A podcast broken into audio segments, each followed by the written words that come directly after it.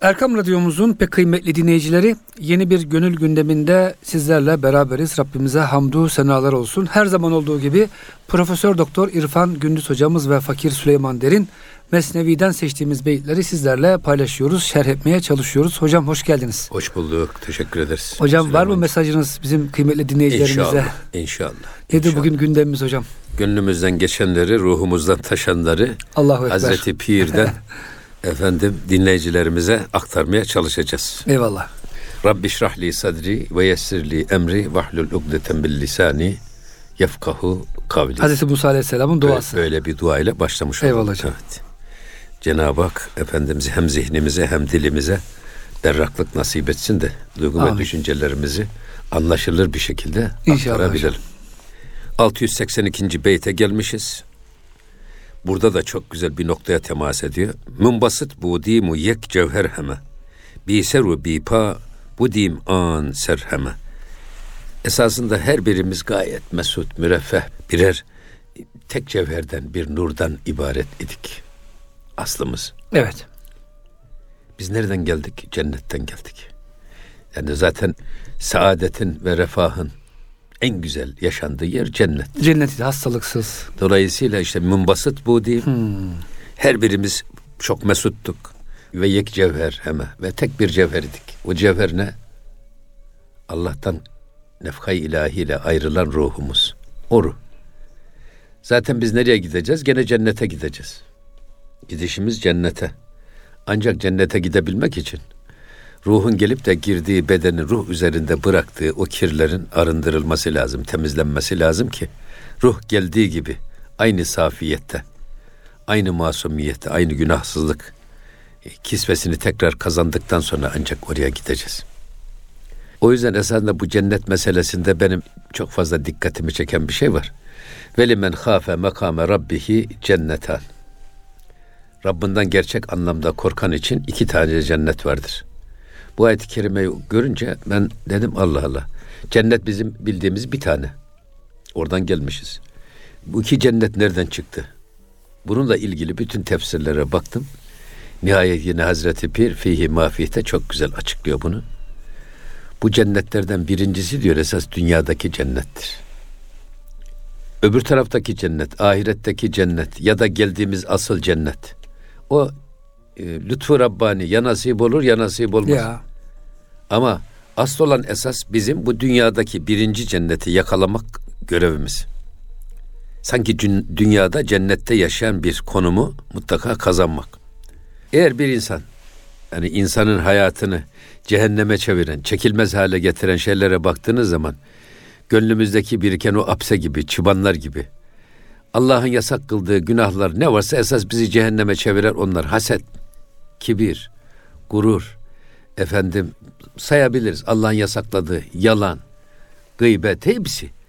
Bakıyorsunuz esas bizim hayatımızı zindana çeviren, bizi kendisiyle kavgalı bir insan haline getiren şeyler hep onlar. Eğer biz bunlardan arındırdığımız zaman hani sür çıkar ayarı dilden diyoruz ya, evet. gönülden Allah'ın dışındaki şeyleri çıkar. Ayrı kodlarını temizle. Zaten temizlediğin zaman ne kalır? Ahlak-ı hamide kalır. Ahlak-ı hamide sahibi bir insan önce cenneti kendi içinde yakalar. Kalbinde buz, kin, adavet, haset, kıskançlık, gurur, kibir hiçbirisi bulunmaz adamın. Cennet önce adam yüreğimiz cennet gibi olacak. Sonra aklımız cennet gibi olacak. Hiç kimseyle ilgili efendim böyle kötü fikir düşünmeyecek. Bunların ayaklarına nasıl bir çelme takarız, onlara nasıl tuzak kurarız bu tip şeyleri düşünmeyecek. Hep Allah'a daha çok yaklaşmak için her gün dünden daha ileride ne kadar Allah'a yaklaşabiliriz gayreti içinde olursa zaten bu adamın aklının içi de cennet gibi olur. Etrafta cennet gibi Böyle olur. bir adam zaten böyle kalbi selim dediğimiz tam cennet gibi bir kalbe sahip oldu. Cennet gibi bir akla sahip oldu. Böyle bir adamın evi de cennet gibi olur. İş yeri cennet gibi olur. Eşi, dostu, arkadaşları cennet gibi olur. İşte esas cennet, birinci cennet budur.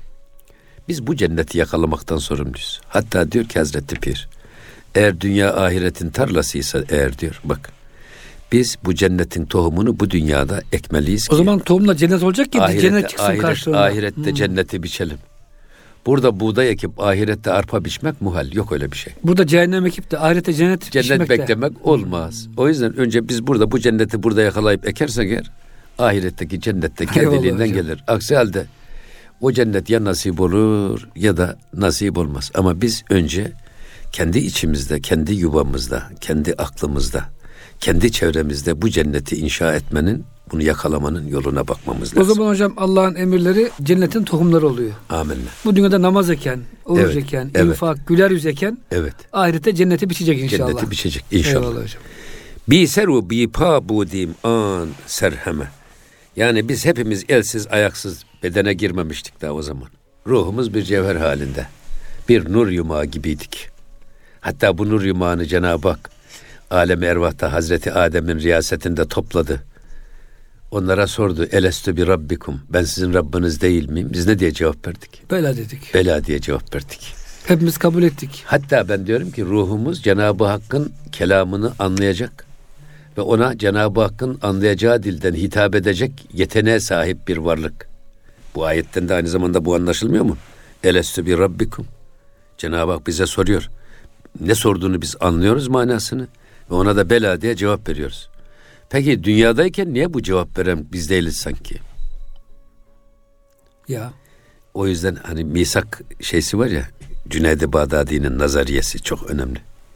Misak nazariyesi. Allah'a verdiğimiz söz. O sözü yaşarken sıcak hale getirmek hayatımızda. Ve men evfa bima ahede aleyhullah feseyutihi ecran azima. Kim Allah'a verdiği bu sözleşmenin gereğini yerine getirirse ona ecri azim, büyük bir mükafat verilecek. Femen nakada fe innema yankudu ala nefsi. Kim de bu Allah'a verdiği bu sözü bozarsa kendi aleyhine bozmuş olur. Yine devam ediyor bak.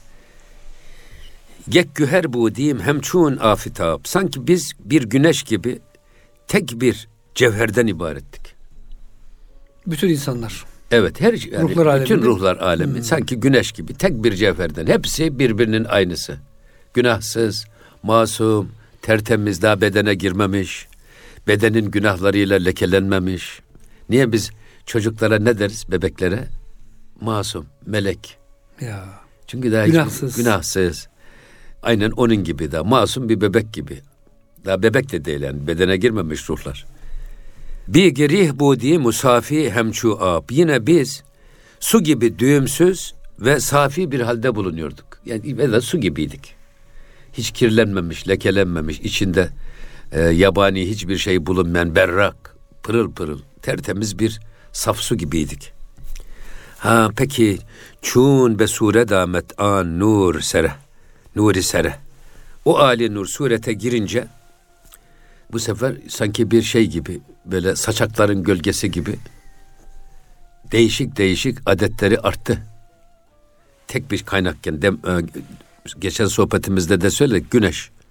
Ama güneş neye vurursa ona göre e, renk, ve veriyor. şekil aldığı için.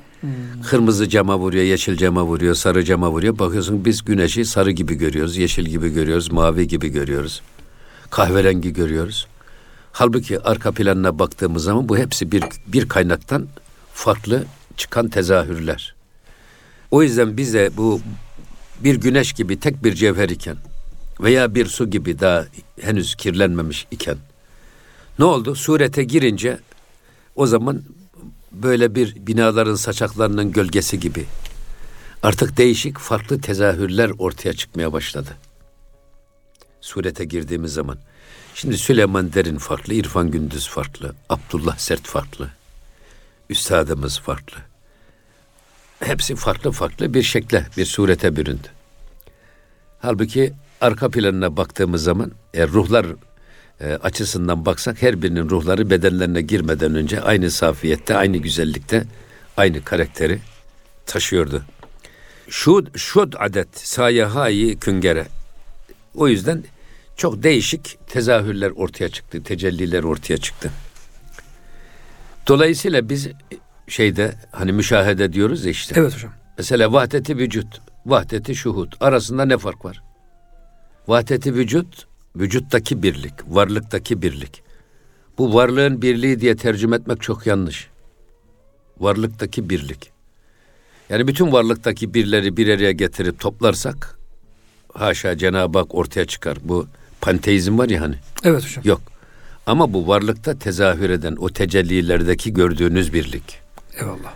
O yüzden bu vahdeti vücut yanlış anlamalara sebep olmuş. Hani şeyin e, Şeyh Şabani Veli'nin çok güzel bir şeysi var. Ona demişler ki niye bu Hallacı Mansur enel hak dedi. Doğru mu bu? Bu yanlış anlamalara meydan veriyor deyince o da demiş ki ya enel batıl mı diyeydi. Siz kendinize enel batıl diyebilir misiniz demiş. Ama hocam Bahattin Akşener için söylüyor herhalde. Entelak desek hiçbir sıkıntı kalmıyor. Evet. Entelak şüphe oluyor ama entelak deyince hocam Hiçbir sıkıntı. Evet. hepsi bitiyor hocam. O yüzden zaten İmam-ı Rabbani de bu Entel hak demiş, vahdeti vücudun yanlış anlama ve yanlış uygulamalarını ortadan kaldırmak için İmam-ı Rabbani vahdeti şuhud demiş. Evet hocam. Gördüklerimizdeki vahdeti görmek. Evet. Evet değişik değişik şeyler görüyoruz ama onların hiçbirisi kendilerindeki tezahürün asli sahibi değildir. Hepsi mümkünür vücut. Diri olan her şey gücünü Cenab-ı Hakk'ın Hay Ya. isminden alır. Hay ismi olmasa hiçbirimiz hayat İmdadı bulamayız. kesse Rabbimiz bir an hocam var Evet. olamayız. Her şey bitiverir. Eyvallah. Onun gibi bu e, tecelliyattaki Cenab-ı Hakk'ın yüce kudretini temaşa etmek, onu görmek. O yüzden inne fi halqis semavati vel ard ve ihtilafil leyli ven nehar le ayatin le ulil elbab. Gece ve gündüzün birbir ardında gelmesinde, arzın ve semanın yaratılmasında bizim varlığımızı gösteren çok apaçık deliller vardır.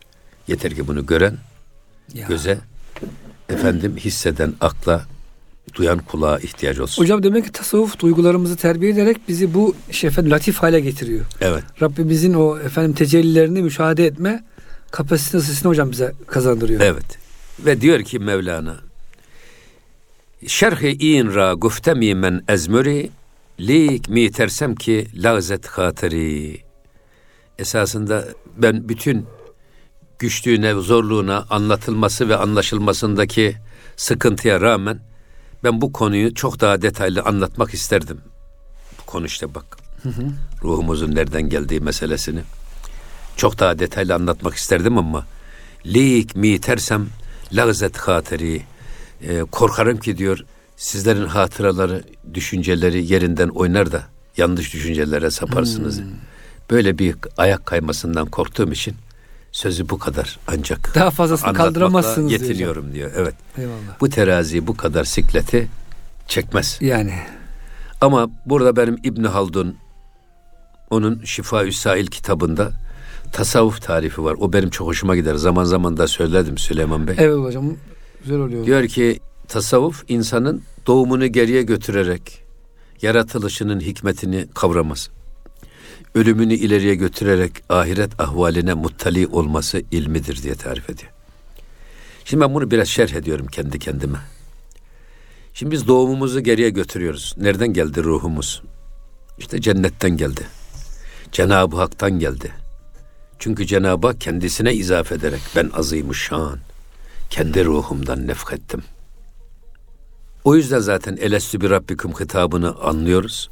Ona Cenab-ı Hakk'ın diliyle, vahiy diliyle bela diye cevap veriyoruz. Şimdi geldik öldükten sonra ruh bedenin ağırlığından kurtulduktan sonra artık bedenin ağırlığı bir tarafa. Ruh kendi alemine gidiyor. Girdikten sonra cenneti görüyoruz, cehennemi görüyoruz. Münker nekir melekleri geliyor. Bize sorular soruyorlar. Cevap veriyoruz. Meleklerle konuşabilecek bir kıvamı yakalıyoruz. Peki ya bu dünyadayken niye biz bu yeteneklerimizi kaybettik? Doğumdan önce Allah'ın kelamını anlayabilecek bir seviyemiz var iken, öldükten sonra meleklerle konuşacak, onlara cevap verebilecek bir kabiliyetimiz ortaya çıkarken, niye biz bu dünyada bu yeteneklerimizi kaybettik? Aradaki hail nedir? Aradaki hail bedendir. Ruh bedene girince beden ruhun yollarını tıkıyor. Ruhun kabiliyetlerini kısıtlıyor. Ve devam ediyor İbn, İmam şey İbn Haldun. İnsan yaşarken de acaba doğumundan önceki ya da ahiretten ölümünden sonraki o saffete erebilir mi? El cevap erebilir. Peki delilin nedir diyor? Delilim rüyalardır diyor rüya. Uyuduğumuz zaman en nevmün nısful mevt. Uyku ölümün yarısı. Beden göz çalışmıyor, kulak çalışmıyor, efendim akıl düşünmüyor, hatta kalp nabızları bile yavaşlıyor. Azalıyor.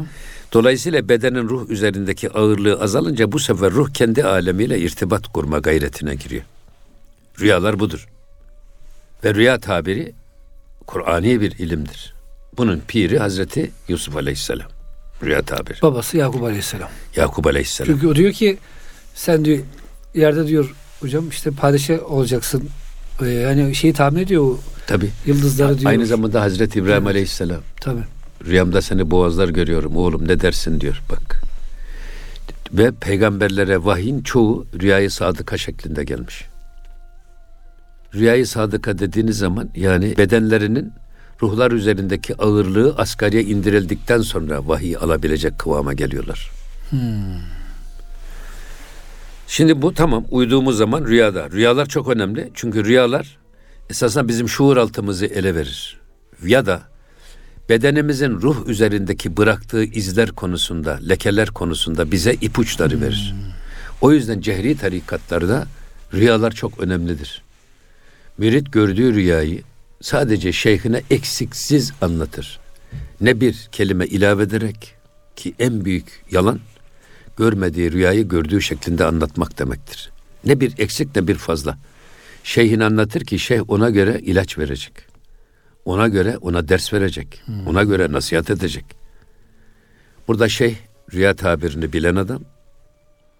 Dolayısıyla her önüne gelene de rüya tabiri yaptırılmaz. Bir de Yaptırılsa da hata olur değil mi hocam? tabii hata olur. Bir de rüya sadece sahibini bağlayıcıdır. Başkalar için delil olarak. Bu da önemli bir şey hocam. Kullanılamaz. Rüyayı kullanarak başkalarının Evet. hüküm Evet. altına almak gerekmiyor. Evet. Yani buraya nereden girdik? Ha diyor ki peki uyanıkken de anladık. İnsan doğumundan önceki ve ölümünden sonraki o seviyeyi uyurken yakalayabilir. Çünkü biz rüyamızda Peygamber Efendimiz'i görürüz. Efendim 40-50 sene önce ölmüş olan annemizi babamızı görürüz. Ashab-ı kiramı görürüz. Çünkü demek ki ruh için uzak yakın geçmiş gelecek diye bir şey yok. Bazen de başımıza gelecek olayları da görebiliriz.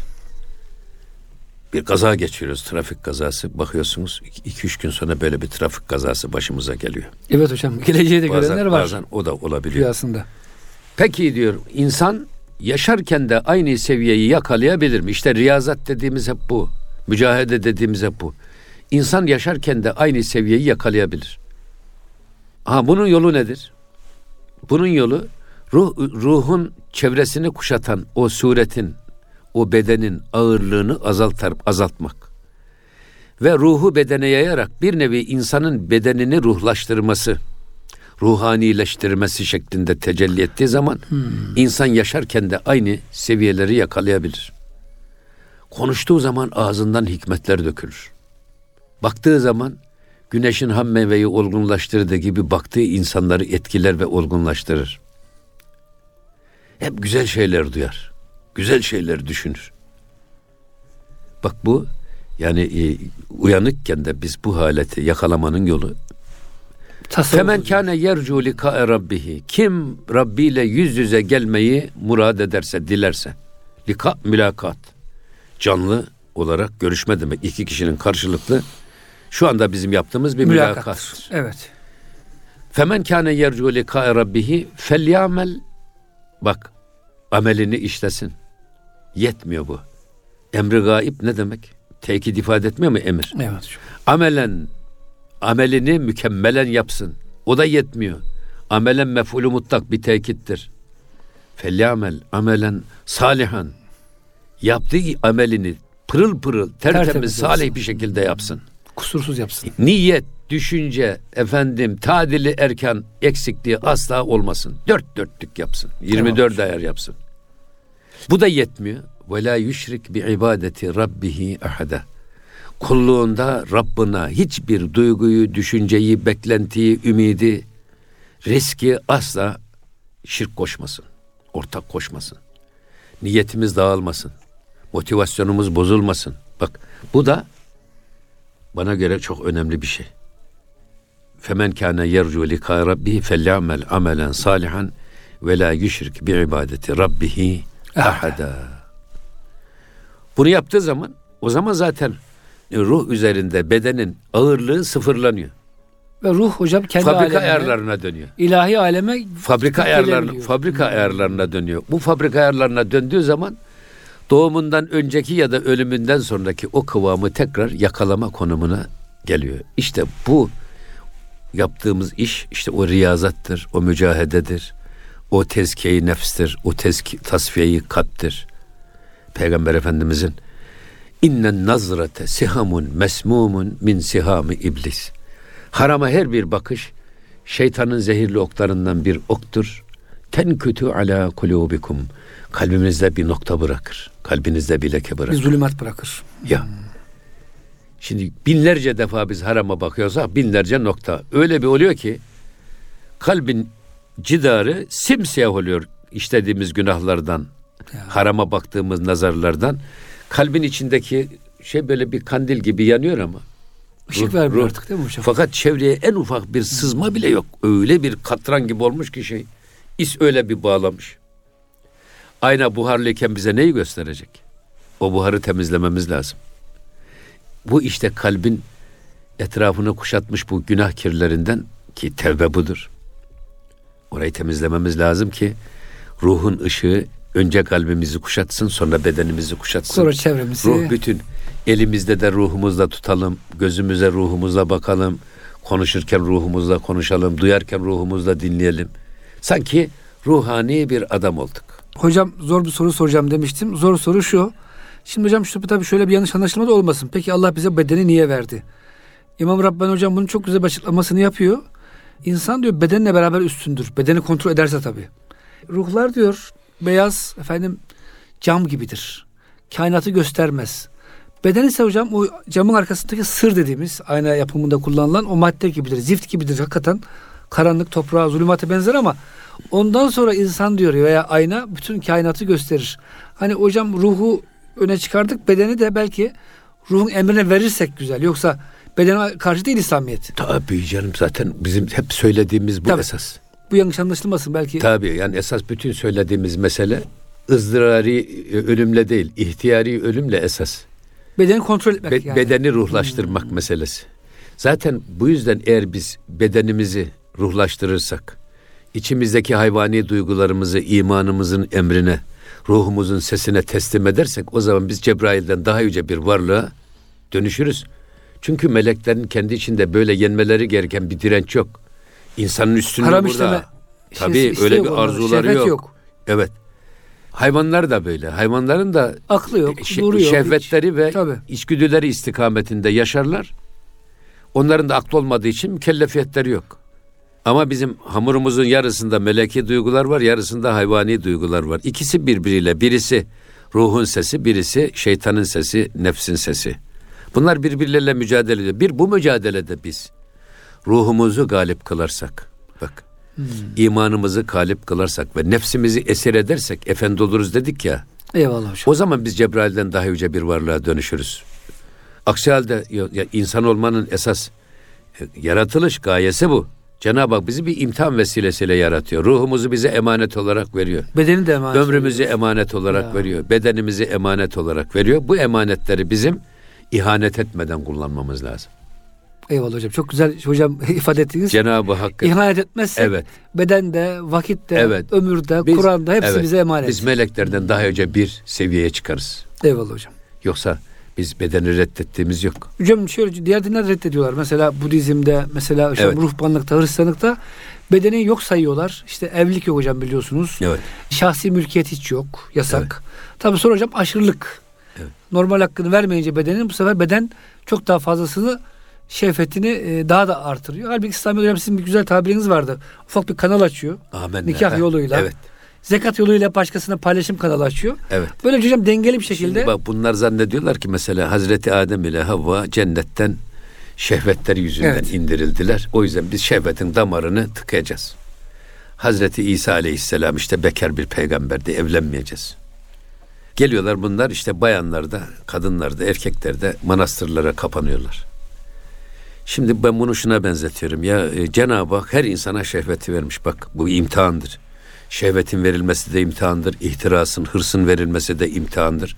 Biz bunları kullanmak zorundayız. Hikmeti de var hocam. Hırsımızı biz değil. kullanırsak bu hırs bizi Tabii. ister seyri sülükte manevi yönden, ister dünyada maddi yönden geldiğimiz noktadan daha iyi bir noktaya fırlamada bize bir tramplen vazifesi görür. Sıçrama tahtası gibi. Ama bunu imanımızla, aklımızla, irademizle kullanırsak. Tam tersi. Hırs bizi kullanmaya başlarsa işte en büyük tehlikesi odur. Aklımızın da önüne, imanımızın da önüne, irademizin de önüne hırs geçerse hırs insanı esir etmiş olur. Bunun adı ihtirastır zaten. Hırs bizi kullanmaya başlar. Cenab-ı Hak bunu yasaklamış. Şehvet Allah vermiş. Şehveti her insana vermiş, bize de vermiş. Şehveti biz Allah'ın emri peygamberin kavline göre kullanmak için vermiş. O da bir emanet. Şehvetimizi biz imanımızla, irademizle kullanacağız. Yok şehvet bizi kullanmaya başlarsa Allah korusun insanı perli perişan eder, rezil, rüsva eder. Eyvallah. Bu da bir imtihan. Yani şehveti yok etmek değil. Şimdi gelmiş Hristiyanlar İsa evlenmedi. Hazreti İsa biz de evlenmeyelim demişler. Ben diyorum ki bu şehvet akan bir nehir. Önüne bir set çekmişler. Şimdi bunun arkasında şehvet birikiyor, birikiyor, birikiyor. Sonra Sonra, öyle bir patlatıyor. noktaya geliyor ki bir patlıyor. Barajın yıkılması gibi. Nereye ne kadar zarar vereceğini hiç kimse kestiremez. Ve bugün gidin bak bütün bugün Vatikan'ın uğraştığı şey bu e, şeylerde manastırlardaki Pedofil diyor hocam. Tabii canım, tabii yani bir sürü- maalesef. kadınların bulunduğu e, şeylerde bir sürü anormallikler çıkıyor. Maalesef hocam. Efendim erkek papazların olduğu yerde de bir sürü anormallikler çıkıyor. Bu hala daha bugün kilise bundan uğraşıyor. Bunlarla uğraşıyor. Katolik kesim bütün işi, Evet. işi gücü bu yani hocam. böyle ben şehveti öldürdüm demekle ölmüyor ya da ben önünü kapattım demekle kapanmıyor. Siz kapattım diyorsunuz. Sonra öyle bir an geliyor ki bir patlama yapıyor sizi de esir alıp perişan ediyor. Ama bizim dinimiz gelmiş. Evet şehvetin önüne bir set çekmiş. Ama Allah'ın izni peygamberin kavliyle nikah müessesesini açmış. Orada bir savak diyorlar ya şimdi. Evet. Barajın arkasında su fazla doldu mu barajı patlatmasın diye buradan bir süpap gibi sigorta gibi fazla gelen su savaktan akıyor. Nereye akıyor? Dereye. Dereden nereye gidiyor? Tarlalara gidiyor. Bağlara, bahçelere gidiyor. Aynen bunun gibi öyle bir nikah müessesesini savak gibi açmış ve burada Allah'ın izni peygamberin kavliyle nikah müessesesini getirmiş. Yeni nesiller o zaman hocam, siz tenasül meydana çıkıyor. göre nesillerin Tabii. ortaya çıkması, aynı tarlalardaki, bağlarda, bahçelerdeki bereket gibi dünyanın imarı bunlar ortaya çıkıyor. O yüzden hem insanidir hem fıtridir bu şey. İslam'ın bu görüş. Burada neden geldik? Yani bedenin hakkını nefislerinizi öldürmeyiniz. Nefislerinizi terbiye ediniz. Tasavvufun şeysi bu.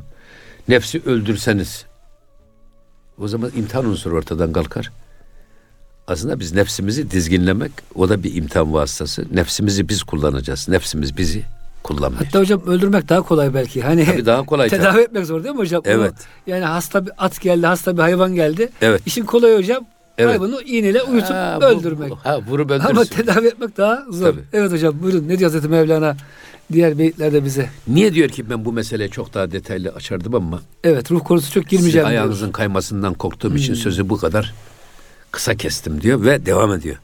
Nükteha çun tig polades tiz gernedariye tu siper ve apes güriz.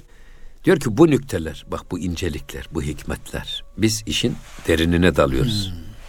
Yani böyle yüzeysel ele almıyoruz. Bu nükteler aslında keskin çelik birer kılıç gibidir Ya kılıç gibidir. Herkes bu kılıca dayanamaz. Eğer elinde diyor bir siperin yoksa, bir kalkanın yoksa onun önünden kaç. O kılıç keser gider. seni de keser. O yüzden bu nükteleri de biz böyle yani herkesin anlayacağı dilden ama fazla da detayına girmeden, derinliğine inmeden sizlere aktarmaya çalışıyoruz. Zaten hocam günümüzde şöyle bir problem de yaşanıyor. Bazı hocam işte bu Fütuhat-ı Mekkiye gibi, Füsus gibi derin eserler bazen hocam avam insanlara ele geçiriyor bu kitapları. Tercümesi olduğu için İslam bilmeden, ayet hadisi tam bilmeden bu yüksek e, sözleri okuyunca bu sefer hocam e, sapıtıyorlar. Ya hiç ona girme Süleyman'cığım ya Kur'an-ı Kerim'in mealini okuyorlar. O bile meal, sapıtırıyor. meal okuyarak alim olunacağını zannediyorlar. Ve orada işine gelen bir ayeti alıyor. Ona göre de amel ederek kendisine bir yol yöntem çiziyor. Böyle bir şey olur. mu? Eğer siz Bir defa meal yetmez. Bak kesinlikle tefsir okuyacaksınız. Hiçbir ben diyorum ya İstiklal Marşı'nı İngilizce çevirsek İstiklal Marşı'nın güzelliği kalır mı? Kalmaz hocam. Kalmaz. Manası da anlaşılmaz. Anlaşılmaz. Hangi şarkıyı Türkçeden İngilizce, İngilizce bir şarkıyı Türkçe'ye çevirin. Anlaşılmıyor. Hocam. hiçbir güzelliği kalmaz. Dolayısıyla mealler kesinlikle ölçü alınmamalı. Ha ne olabilir? Kültürel derinliği yakalamış insanlar mealleri dikkatli okuyarak hiç olmazsa namazda okuduğum surelerde ne demek isteniyor ben onu düşüneyim diye anlayarak okuyayım diye belki okuyabilir ama mealler asla yetmez. O yüzden tefsir okumak lazım. Tefsir. Yani ayetlerin sebebi nüzulü, kelimelerin değişik yorumları, ulemanın, Efendimizin, ashab-ı kiramın, tabiinin, müfessirlerimizin getirdiği farklı değerlendirmeler, hangi e, gerekçelerle niye böyle bir farklı yoruma gitmişler bunun sebepleri ve bundan hangi hükümler çıkmış, nasıl çıkmış, bunu Efendimizin sünnet-i seniyesindeki uygulamaları nedir? Bütün bunları görerek şey yapacak. Bir müştehid için bir müştehidin fetva, fetva verebilmesi için en az 20 ilimde mütebahhir olması lazım. Hocam İhya'da okumuştum. İmam Malik Hazretleri'ne mi? O saatte soru soruyorlar. 20 sene falan bilmiyorum diyor. Yani büyük bir imam nasıl bilmez? Bilmiyor hocam. Yani şimdi biz en büyük sıkıntımız bilmeden her konuda bilmiyoruz desek ayıp olur diye hocam. İmam, Çala kalem. İmam Şafii buyuruyor ki Dalıyoruz. bilmediklerimi ayağımın altına alsaydım başı marşa değerdi. O kadar çok Şimdi bizim hele diyor. akademik titre olan arkadaşlar doktor olduğu zaman bile bildiklerini ayağının altına aldığı zaman başı arşa değer gibi hissediyor. Halbuki hocam alakası yok. Ve devam ediyor. Pişi in elmas bi ispermiya eğer elmastan bir kılıcın önündeysen bak siperinde yoksa kalkanında yoksa sakın önüne çıkma. Elmas demiri kesiyor değil mi hocam? Tabii ya. Çeliği de kesiyor. Demiri, çeliği bugün e, en delici Cama. en delici şeyler elmas uçlardır. Hmm. Yer altında maden kazanlardan tutun o matkapların Matkapların ucundaki ucu. şeylerin bile Hmm, elmastır. elmas uçları. Demek ki bak Hazreti Mevlana bunu biliyor bak e, elmasın ne kadar keskin olduğunu. E, Kezburiden tira nebvet haya. Çünkü şunu iyi bil ki diyor bak elmas kılıç için kesmekten korkmaz, çekinmez, utanmaz. Onun görevi kesmektir. O yüzden iki Böyle bir al. elmas, elmastan bir kılıcın önüne geldiğin zaman sakın ola ki önüne çıkma. Yok eğer siperin varsa, kalkanın varsa ne ala. O yüzden bu nükteleri diyor bu şekilde değerlendiriyor. Herkes farklı anlamayabilir. Çünkü Efendimiz insanlara akıllarına göre, seviyelerine göre konuşunuz buyuruyor. Evet. İdraklerine göre konuşunuz. Mesela çocuğa sütle beslenen çocuğa bir simit versek ya çok tatlı bu Veya simit. kebap versek hocam. Veya kebap Ettir, versek çocuk ölür ya. diyor. Çocuk ölür. Aynen öyle. O yüzden o şeyi, ölçüyü, o seviyeyi çok iyi dikkate alarak konuşmak lazım. Ve devam ediyor. Evet hocam buyurun. Zihin sebep men tira gerdem gılaf. Bu yüzden ben diyor e, kılıcı kınına soktum. Kınındaki kılıç hiç kimseyi ürkütmez. Bırak. Şimdi tefsiri ne diye açıklıyorlar? Tefsir kapalıyı açmak demek. Anlaşılmazı anlaşılır hale getirmek demek. Hatta ben bunu şeye benzetirim. Lihye-i saadetler var ya böyle Peygamber Efendimizin sakalı şerifi. Onu 40 kat bohçaya sararlar. Sararken de her bir köşesini kapatırken de salatü selam okunur. Açarken de her bir köşesini açarken salatü selam okunarak açılır ve en sonunda şimdi 40 kat 4'te çarp 4 kere 4 16 160. 160 yapar. 160 salatü selamdan sonra ortaya ne çıkıyor? Ala saadet ortaya çıkıyor. Onun gibi böyle 40 kat bohçaya sarılmış ayetlerde meknuz hikmeti ortaya koymak için yapılır. Kapalıyı açmak. Şerh de budur esasında şerh. Açmak değil mi hocam? Açmak demektir. İnsanların anlayacağı şekle getirmek demektir. O yüzden hocam şunu diyebilir miyiz? Yani Kur'an-ı Kerim'e belli ilimleri almadan, bir hoca efendinin yardımı olmadan veya tasavvufa bir şeyhin rehberliği olmadan girenler e, hocam sapıtabilme ihtimalleri yüksektir. Ya- Çünkü onlar doğru sözü Evet. yanlış yere korlar. Evet. Diyebilir miyiz? Amenna. Amenna. Bu demin söylediğim bir şey var. Bak öyle şimdi herkes kendi kafasına göre fetva veriyor. Halbuki e, fetva verebilmek için, müştehid olabilmek için verdiğiniz fetvaların geçerli olabilmesi için 20 tane ilimde mütebahhir olmanız lazım. Ne demek mütebahhir? Derinlemesine. Derinlemesine Oo. derya gibi. Enine, boyuna, genişliğine, yüksekliğine böyle onlara mahir olmanız lazım ki siz bir meseleye bakarken tek cepheden bakarak fetva vermeyeceksiniz. Bütün yönlerini göresiniz. bütün yönlerini, önünü, arkasını, altını, üstünü görerek Kur'an'daki hadisteki eğer bu şekilde Evet. e, buna göre bakarak fetva verdiğiniz zaman çok yönlü değerlendirmeyle verdiğiniz hüküm doğru olur, sahih olur. Aksi halde tek taraflı verdiğiniz zaman eksik olur ve insanları da yoldan çıkarır. maalesef hocam. Onun için Maalesef. e, şey yapmamak lazım. Yine ben diyor bu, bu yüzden dolayı diyor bak kılıcı açıkta tutmuyorum. Kınında. Benim kılıcım ne çelik gibi keskin kılıç da olsa elmas uçlu da kılıç da olsa ben onu kınına soktum diyor. Kimseye Ya- zarar vermesin. e, kabında duruyor. Ancak ehli olan o kılıcı çekip görebilir. Bunu Ama ehli olmayan korkmasın da o kılıçtan diyor. Hocam bir silah varsa evde de çoluk, çoluk Evet. çocuk eline almasın diye saklarız. tabi. Demek hocam hik- hikmetli tasavvufi sözler de böyle biraz. Ulu orta yer her yerde konuşmamak Ta gerekiyor ki demek. evet ta ki keşhani nehanet berhilaf.